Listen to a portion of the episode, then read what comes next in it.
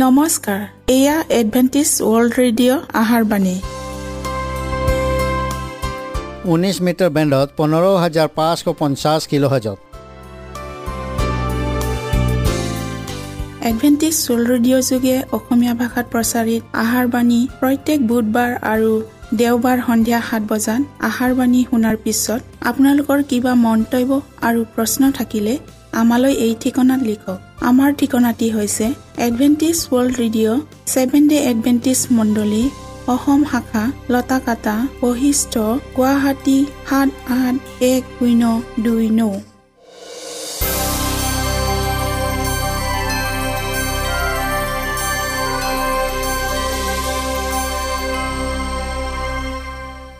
প্ৰিয় শ্ৰোতা বন্ধুসকল এতিয়া শুনো আহক এটি খ্ৰীষ্টীয় ধৰ্মীয় গীত।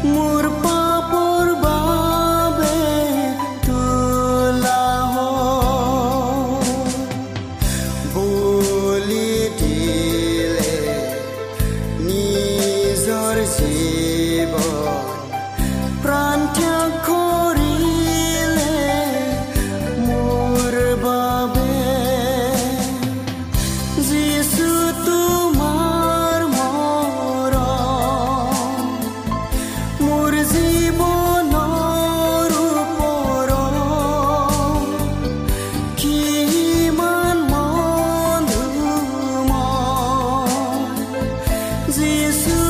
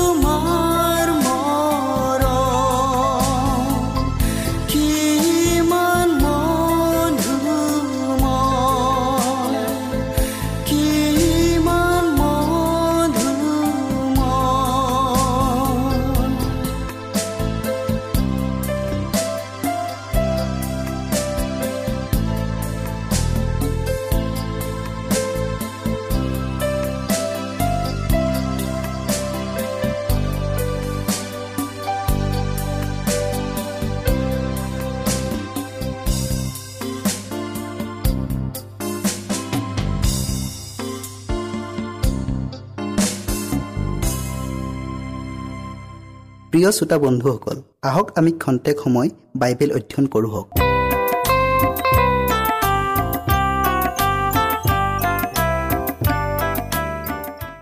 প্ৰিয় শ্ৰোতাসকল নমস্কাৰ। আজি আমি বিয়াৰ কাপোৰ নিপিন্ধাকৈ এই দৃষ্টান্তক অধ্যয়ন কৰোঁ হওক। শাস্ত্ৰপদ হৈছে মঠি বাইছ অধ্যায়ৰ এক পদৰ পৰা চৈধ্য পদলৈকে। ঈশ্বৰৰ বাক্য শুনাৰ আগতে আমি প্ৰাৰ্থনা কৰোঁ হওক। সেই স্বৰ্গত থকা পবিত্ৰ জীৱনময় গৰাকী তোমাক ধন্যবাদ দিছোঁ প্ৰভু। কিয়নো তোমাৰ আশীৰ্বাদ আৰু দয়াৰ এই সুন্দৰ সময় আকৌ আমি পালোঁ। প্ৰভু তুমি আমাৰ সংগে সংগে থাকি যি বিষয় অধ্যয়ন কৰিবলৈ আগবঢ়াইছোঁ সেই বিষয়টিলৈ জানিবলৈ জ্ঞান আৰু বুদ্ধি দিয়া। যীশুৰ পবিত্ৰ নামত খুজিলোঁ। আমেন। বিবাহ বস্ত্ৰৰ দৃষ্টান্তই আমালৈ এক গভীৰ পৰিণামৰ সন্মুখীন হোৱাৰ পথ সুগম কৰি দিয়ে। বিবাহৰ দ্বাৰাই মানুহ ঈশ্বৰৰ সৈতে একতা হোৱা বুজায় আৰু বিবাহৰ বস্ত্ৰই বিবাহলৈ নিমন্ত্ৰিত অতিথিবিলাকৰ সৎগুণ আৰু সৎ স্বভাৱ থকাটো বুজায়। এই দৃষ্টান্তৰ বৰ ভোজে যিহুদীবিলাকক সুবাৰ্তা গ্ৰহণৰ আমন্ত্ৰণ আৰু পৰজাতি বা অজিহুদী জাতিবিলাকৰ আগত ঈশ্বৰৰ বাক্যৰ সাক্ষ্য দিয়া অগ্ৰাহ্য কৰাৰ স্পষ্ট ব্যাখ্যাৰে উল্লেখ আছে। কিন্তু এই আমন্ত্ৰণ বৰ্জিত কৰাবিলাকৰ পক্ষে দৃষ্টান্তই এক গভীৰ অপমানজনক আৰু অতি ভয়ংকৰ শাস্তিৰ দৃশ্য প্ৰকাশ কৰে। এই বৰভোজলৈ স্বয়ং ৰজাই নিমন্ত্ৰণ দিছিল কাৰণ তেওঁ আদেশ দিয়া ক্ষমতাপন্ন ব্যক্তি আৰু এনে মহাভোজলৈ নিমন্ত্ৰিত হোৱাটো অতি সন্মানজনক। তথাপিও এই সন্মানক প্ৰত্যাখ্যান কৰা হ'ল ৰজাৰ অধিকাৰক অৱজ্ঞা কৰা হ'ল। ঘৰৰ গৰাকীৰ নিমন্ত্ৰণ প্ৰয়োজনহীন বুলি গণ্য কৰিলে। মানুহবিলাকে তেওঁৰ চাকৰবিলাকক হিংসা আৰু ঘৃণাৰে পৰিপূৰ্ণ হৈ বধ কৰিলে। প্ৰিয় শ্ৰোতাসকল ভোজৰ গৰাকীয়ে তেওঁৰ নিমন্ত্ৰণ তুচ্ছ জ্ঞান কৰা জানি ঘোষণা কৰি ক'লে এই নিমন্ত্ৰণ লোকৰ কোনো এজনে এই ভোজৰ সোৱাদ নাপাব। এতিয়া ৰজাৰ নিমন্ত্ৰণ বৰ্জন কৰাত তেওঁ খং কৰি সৈন্য পঠিয়াই সেই হত্যাকাৰীবিলাকক সংহাৰ কৰিলে আৰু সিহঁতৰ নগৰখন জুই দি পুৰিলে। উভয় দৃষ্টান্তত বৰ ভোজ পাতি অতিথিবিলাকক নিমন্ত্ৰণ কৰিলে। আনটো দৃষ্টান্তত ভোজত উপস্থিত হ'বলৈ যুগুত হ'বলগীয়া হৈছিল আৰু যুগুত হৈ নহাবিলাকক বাহিৰলৈ উলিয়াই দিয়া হৈছিল। তেতিয়া ৰজাই ভিতৰলৈ সোমাই গৈ আলহীবিলাকলৈ চাই দেখিলে যে এজন মানুহে বিয়াৰ কাপোৰ পিন্ধা নাই। ৰজাই মানুহজনক সুধিলে হে বন্ধু বিয়াৰ কাপোৰ নিপিন্ধাকৈ তুমি ইয়াত কেনেকৈ সোমালা? কিন্তু তেওঁ মনে মনে থাকিল। তেতিয়া ৰজাই পৰিচালকবিলাকক ক'লে ইয়াক হাতে ভৰিয়ে বান্ধা আৰু বাহিৰৰ অন্ধকাৰত পেলাই দিয়াগৈ। তাতে তাৰ ক্ৰদন আৰু দাঁত কৰচনি হ'ব। কৃষ্টৰ শিষ্যবিলাকৰ দ্বাৰাই ভোজলৈ নিমন্ত্ৰণ দিয়া হৈছিল। আমাৰ প্ৰভুৱে তেওঁৰ বাৰজন আৰু পাছলৈ সত্তৰজনক মনোনীত কৰি ঈশ্বৰৰ ৰাজ্য ওচৰ হ'ল এই কথা ঘোষণা কৰি মানুহবিলাকক অনুতাপ কৰিবলৈ আৰু সুবাৰ্তাত বিশ্বাস কৰিবলৈ আদেশ দি প্ৰেৰণা দিছিল। কিন্তু এই আহ্বান মানুহবিলাকে প্ৰত্যাখ্যান কৰিলে। ভোজলৈ আমন্ত্ৰণ কৰাবিলাকৰ কোনেও নাছিল। তেতিয়া আন চাকৰ কেইজনত মাতি খোৱালে চোৱা মই ভোজ যুগুত কৰি থৈছোঁ। মোৰ বলত আৰু সুস্থ পুষ্ট পশু মৰা হৈছে আৰু সকলো যুগুত আছে। বিয়াৰ ভোজলৈ আহা হওক। খ্ৰীষ্টৰ ক্ৰুচীয় মৃত্যুৰ পাছত যিহুদী জাতিটোক পুনৰ এই বাৰ্তাৰে আহ্বান জনোৱা হৈছিল।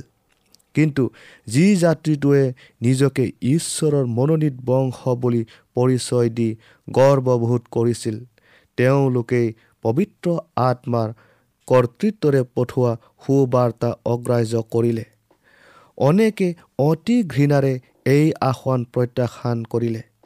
আনবিলাকে বিৰক্তিপূৰ্ণ হৈ বিনা মূল্যে দিয়া পৰিত্ৰাণৰ বৰ গৌৰৱৰ ৰজাক অস্বীকাৰ কৰা অপৰাধৰ ক্ষমা আটাইবোৰকে অগ্ৰাহ্য কৰি সুবাৰ্তাবাসকসকলকহে ওলোটাই আক্ৰমণ কৰিলে।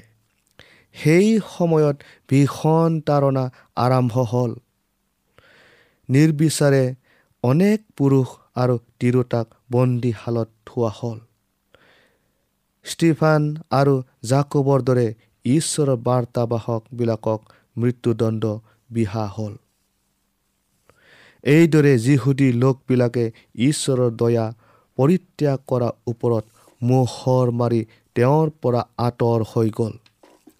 ইয়াৰ ভীষণ পৰিণামৰ কথা খ্ৰীষ্টই দৃষ্টান্তৰ যোগেদি আগে কৈ গৈছিল। তেতিয়া ৰজাই সৈন্য পঠিয়াই সেই হত্যাকাৰীবিলাকক সংহাৰ কৰিলে আৰু সিহঁতৰ নগৰখন জুই দি পুৰিলে। বিচাৰদণ্ড যিহুদীবিলাকৰ ওপৰত নামি আহিল। যেতিয়া জেৰুচালেম নগৰখন ধ্বংস কৰি জুইৰে পুৰি পেলালে আৰু মানুহবিলাক ইফাল সিফাল সিঁচৰিত হৈ গ'ল। বৰভোজলৈ তৃতীয় আসোৱান পৰজাতি বা অজিহুদীবিলাকলৈ সুবাৰ্তা প্ৰচাৰ কৰা বুজায়। ৰজাই চাকৰবিলাকক ক'লে বিয়াৰ ভোজ যুগুৰ হৈ আছে কিন্তু নিমন্ত্ৰিতবিলাক যোগ্য নাছিল। সেইকাৰণে তোমালোক নগৰৰ আলিবাটলৈ যোৱা আৰু যিমানক পাৰা আটাইকে বিয়াৰ ভোজলৈ নিমন্ত্ৰণ কৰিবা। ৰজাৰ চাকৰবিলাকে ৰাজপথলৈ ওলাই গৈ ভাল বিয়া যিমানকে পালে সকলোকে আনিলে আৰু বিয়াঘৰ আলহীৰে ভৰি পৰিল। এইটো এটা সংমিশ্ৰিত দল আছিল। এই নিমন্ত্ৰিত লোকবিলাকৰ কিছুমানৰ বৰ ভোজ দিওঁতাজনৰ প্ৰতি কোনো শ্ৰদ্ধাভাৱ নাছিল। প্ৰথম দলটোৱে ৰজাৰ বৰ ভোজৰ কাৰণে জাগতিক সুখ ভোগ সা সুবিধা স্বাৰ্থ আদি বিসৰ্জন দিব নোৱাৰিলে। যিবিলাকে নিমন্ত্ৰণ গ্ৰহণ কৰিলে তেওঁলোকৰ অনেকে স্বাৰ্থ পূৰণৰ অৰ্থে নাইবা সাময়িক লাভৰ বাবে আহিছিল। কিন্তু ৰজাক ভক্তি সন্মান জনোৱাৰ কাৰোৱে ইচ্ছা নাছিল। প্ৰিয় শ্ৰোতাসকল যেতিয়া ৰজাই নিমন্ত্ৰিত লোকবিলাকক চাবলৈ আহিছিল তেতিয়া সকলোৰে প্ৰকৃত স্বভাৱ পৰিলক্ষিত হ'ল। সেই বৰভোজত প্ৰত্যেকজন আলহীক এযোৰাকৈ বিবাহ বস্ত্ৰ দিছিল আৰু এই বিবাহ বস্ত্ৰ ৰজাৰ পৰা উপহাৰ স্বৰূপে দিয়া হৈছিল। ভোজত আলহীবিলাকে সেই বস্ত্ৰ পৰিধান কৰি দিওঁতাজনৰ প্ৰতি সন্মান প্ৰদৰ্শন কৰিছিল। কিন্তু এজন মানুহে তেওঁৰ সাধাৰণ সাজ পাৰ পিন্ধি ভোজৰ আসনত বহিছিল। তেওঁ ৰজাৰ প্ৰয়োজন অনুসাৰে নিজকে যুগুত কৰিবলৈ ইচ্ছা নকৰিলে। যি দামী বস্ত্ৰ তেওঁক পিন্ধিবলৈ দিয়া হৈছিল তাক সেৱ জ্ঞান কৰি তেওঁৰ মালিকক অপমান কৰিলে। ৰজাই দাবী কৰিয়েই সুধিলে হে বন্ধু বিয়াৰ কাপোৰ নিপিন্ধাকৈ তুমি ইয়াত কেনেকৈ সোমালা? কিন্তু তেওঁ মনে মনে থাকিল আৰু নিজকে দোষী সাব্যস্ত কৰিলে। তেতিয়া ৰজাই আদেশ দি ক'লে ইয়াক হাতে ভৰিয়ে বান্ধা আৰু বাহিৰৰ অন্ধকাৰত পেলাই দিয়াকৈ। ভোজত ৰজাই আলহীবিলাকক অনুসন্ধান কৰা কাৰ্যক সোধ বিচাৰক বুজায়। সুবাৰ্তা ভোজত সমবেত হোৱা আলহীবিলাক ঈশ্বৰৰ পৰিচৰ্যাকাৰী লোক বুলি পৰিচয় দি জীৱন পুস্তকত তেওঁলোকৰ নাম লিখা আছে বুলি বিশ্বাস কৰে। কিন্তু সকলোৱে ঈশ্বৰ বিশ্বাসী বুলি পৰিচয় দিয়া ব্যক্তিয়ে তেওঁৰ প্ৰকৃত শিষ্য নহয়। যিহেতু ধাৰ্মিকতাৰ পুৰস্কাৰৰ উত্তৰাধিকাৰী উপযুক্ত লোক কোন হ'ব চূড়ান্ত সিদ্ধান্ত লোৱাৰ পাছতহে নিৰ্ণয় কৰাই হ'ব। কৃষ্ণই স্বৰ্গৰ মেঘ ৰথত দ্বিতীয়বাৰ অহাৰ পূৰ্বে সিদ্ধান্ত লোৱা হ'ব কাৰণ যীশুৱে কৈছে শুনা মই বেগাই গৈছোঁ যাৰ যেনে কৰ্ম তেওঁক তেনে প্ৰতিফল দিবলৈ। মই দিবলগীয়া পুৰস্কাৰ মোৰ লগত আছে। প্ৰকাশিত বাক্য বাইছ অধ্যায়ৰ বাৰ পদ। তেওঁৰ আগমনৰ পূৰ্বে প্ৰত্যেকজন ব্যক্তিৰ কৰ্ম অনুসাৰে পুৰস্কৃত কৰা হ'ব। প্ৰিয় শ্ৰোতাসকল মানুহ জগতত থকা কালতে স্বৰ্গৰ ন্যায়ালয়ত তদন্তমূলক বিচাৰ আৰম্ভ হৈছে।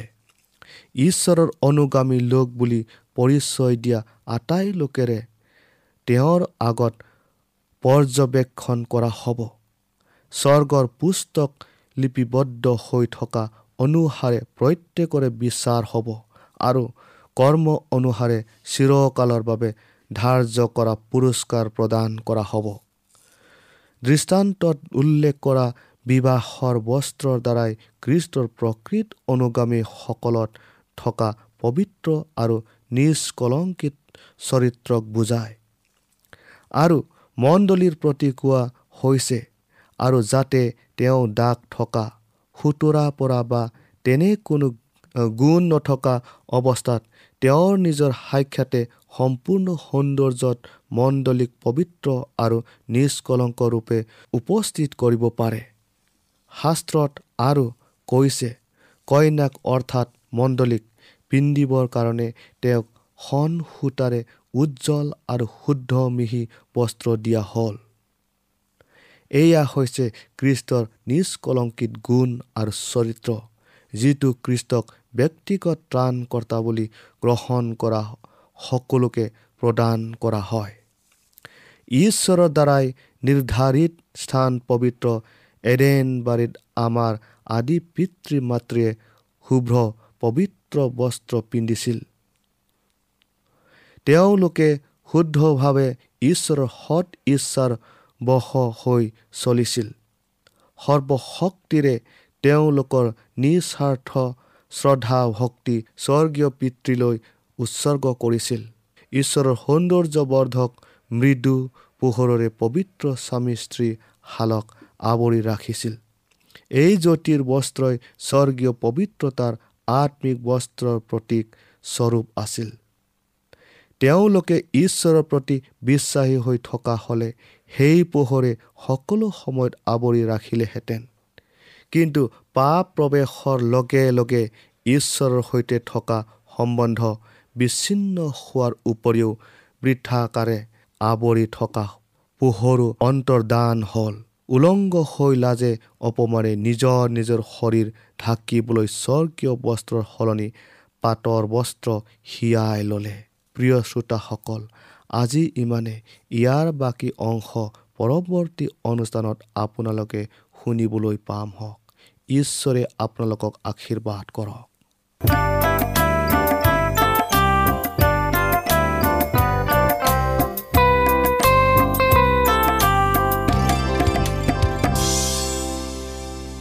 ইমানপৰে আমি বাইবেল অধ্যয়ন কৰিলোঁ। এতিয়া আকৌ শুনো আহক এটি খ্ৰীষ্টীয় ধৰ্মীয় গীত।